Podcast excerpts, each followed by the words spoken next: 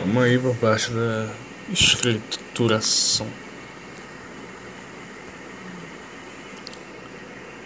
Métodos de escrituração. A palavra método vem do grego caminho e se refere ao meio utilizado para chegar a um fim. É o caminho pelo qual se atinge um objetivo.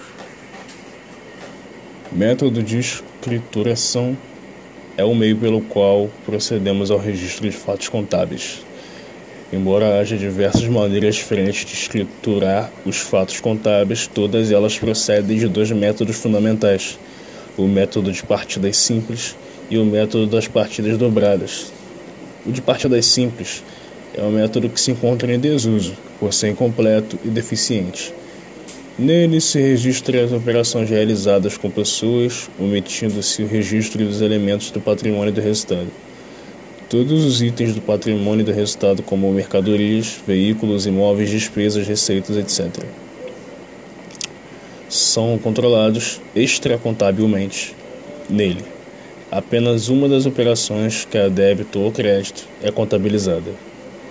Já o método das partidas dobradas, descrito pela primeira vez em 1494 na Itália, pela Frade Luca Paciglione, no livro da geometria lá deles, é, ele fala sobre um tratado de contabilidade. Né?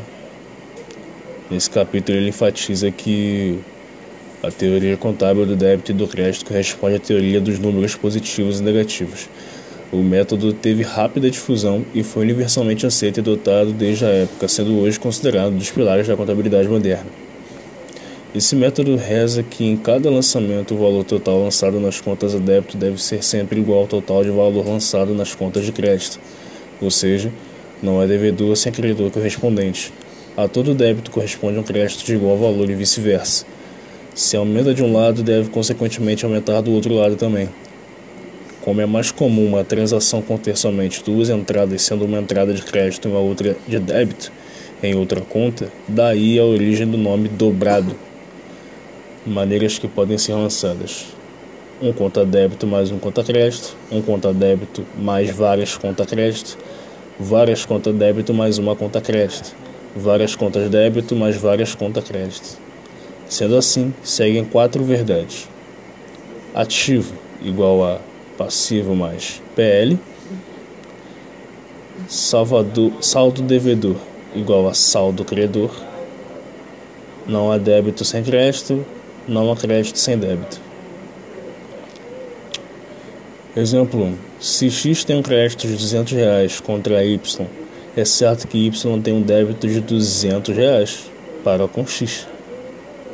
Né?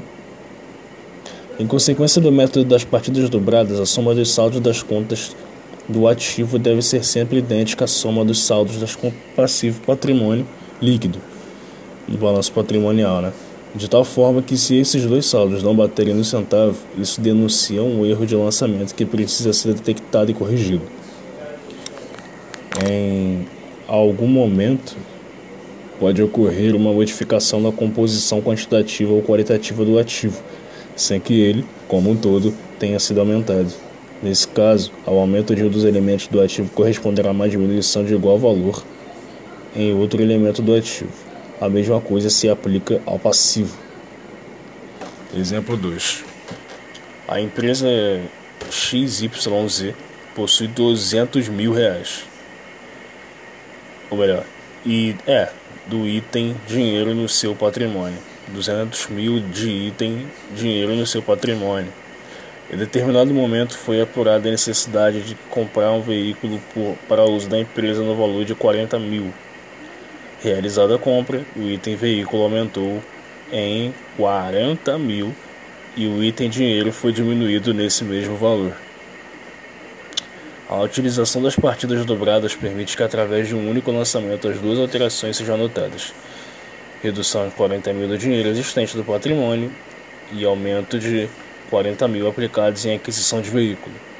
Em termos contábeis, debita-se a conta de veículos e acredita-se a conta da caixa. Né? É isso. Hum.